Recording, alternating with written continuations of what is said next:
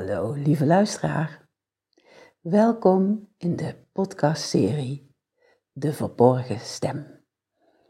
Mijn naam is Marion Bovens en vanaf vandaag kun je luisteren naar deze podcastserie.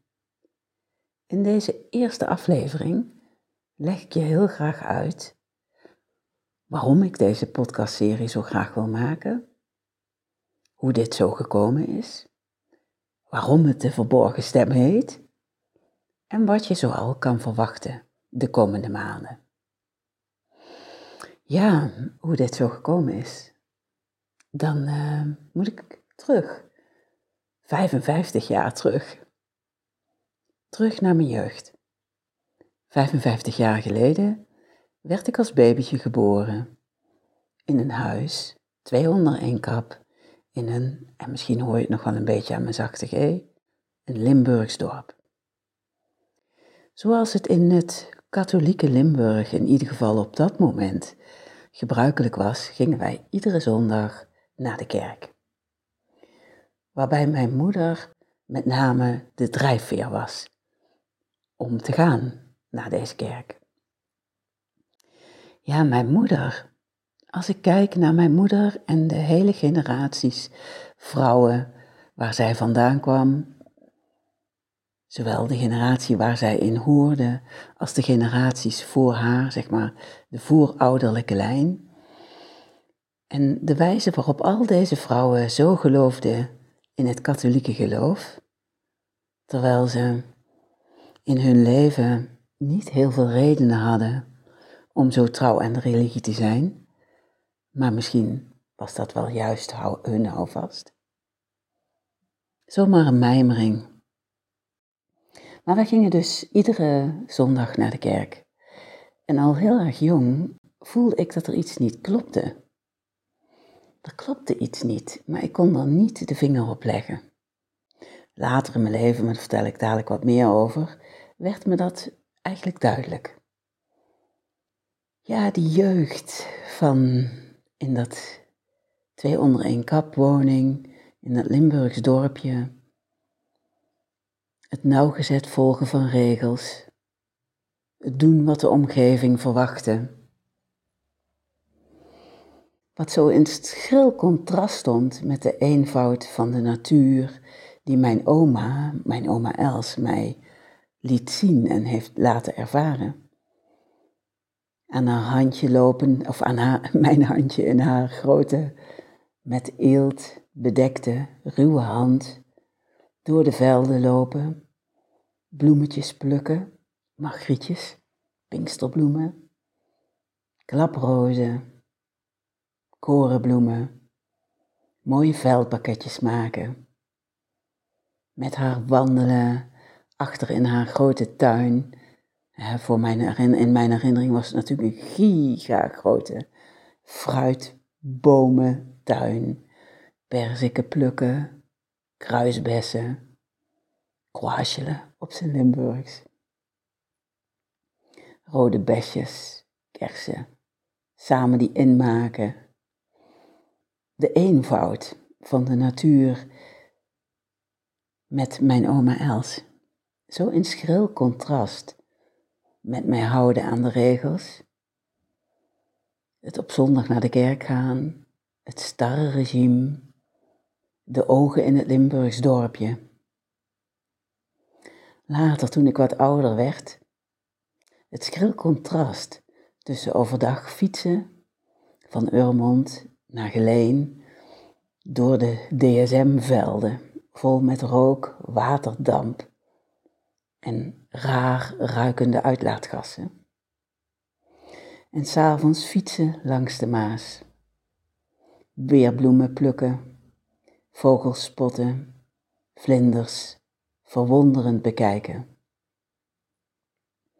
Eigenlijk een jeugd vol contrasten.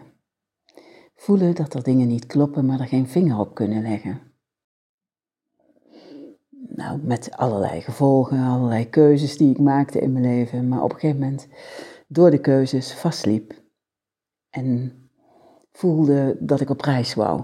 En ik ging op reis. Ik ging op reis naar Jeruzalem, Wat uiteindelijk resulteerde, maar dat zal een van de podcastafleveringen over gaan, dat resulteerde in een pelgrimstocht met een groep vrouwen.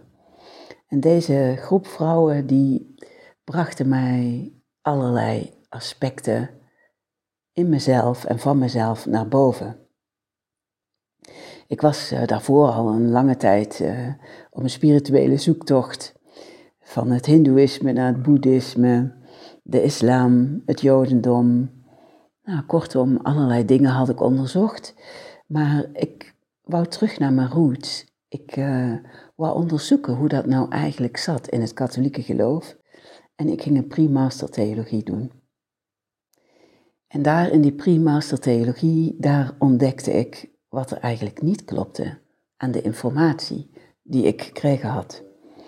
Hoe de weg van de ervaring gemarginaliseerd is geworden, verkracht, begraven, gedood en onderdrukt. De weg van de ervaring. Dat niet alleen, maar ook de weg van het vrouwelijk perspectief. Er is een mannelijk en een vrouwelijk perspectief. Het zijn maar woorden, het zijn kaders. Maar om daar wat meer uitleg aan te geven, het mannelijk perspectief is doelgericht, gefocust, kan goed analyseren en dingen in de vorm zetten. Het vrouwelijk perspectief is intuïtief, creatief, verbindend en wacht. Waar ik in die studie theologie eigenlijk achter kwam, was dat dat vrouwelijk perspectief, zowel in mannen als vrouwen, maar ook in onze gehele samenleving, onderdrukt is. En dat deze onderdrukking zorgt dat wij eigenlijk niet meer zo makkelijk in contact kunnen komen met onze ziel, met onze bezieling en met wie we in ons wezen zijn. Met vele gevolgen. Met angst als gevolg, afgescheidenheid van elkaar en afgescheidenheid van de natuur tot gevolg. We kunnen niet meer ervaren wie we in ons wezen zijn. Wij zijn namelijk vrije, krachtige, unieke wezens met een scheppend vermogen. Ja, zoals ik al net aangaf, die onderdrukking, die marginalisering van de ervaring, van het in contact staan met het vrouwelijk perspectief, heeft vele gevolgen, zowel in vrouwen en zeker ook in mannen. De afgelopen jaren heb ik met vele vrouwen en mannen gewerkt aan dit thema. Wat ik zie bij vrouwen is dat de gekwetstheid, doordat zij dat vrouwelijk aspect niet zo makkelijk meer toe kunnen laten, gekwetstheid in hun buikregio. Zij kunnen niet meer zo goed staan voor wie zij zijn. Ze kunnen soms niet makkelijk vormgeven aan hun diepste wens, aan hun diepste wezen, of zijn daar heel erg verhard in geworden. En dan mannen.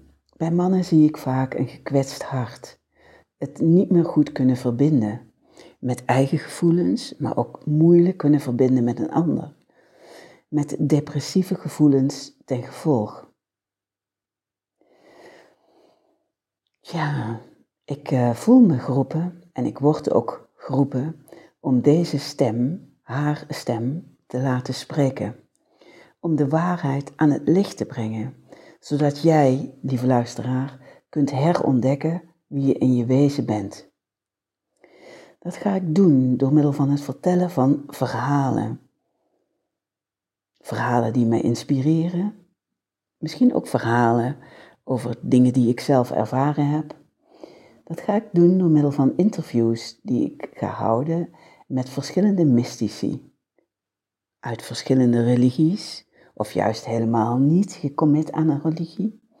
Verhalen en interviews met wetenschappers en kunstenaars over de hele wereld. In eerste instantie zal ik iedere eerste zondag van de maand om 10 uur een podcast online brengen.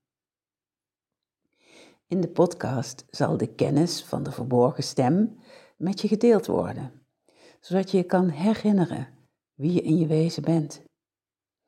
Vervolgens, na de podcast, direct daarna, heb je de mogelijkheid om deel te nemen aan een live geleide meditatie via Zoom.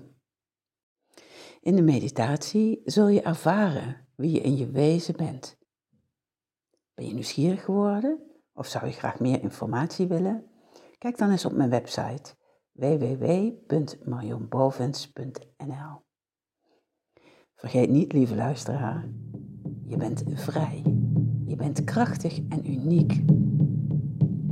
Geniet van je dag en dank je wel voor het luisteren.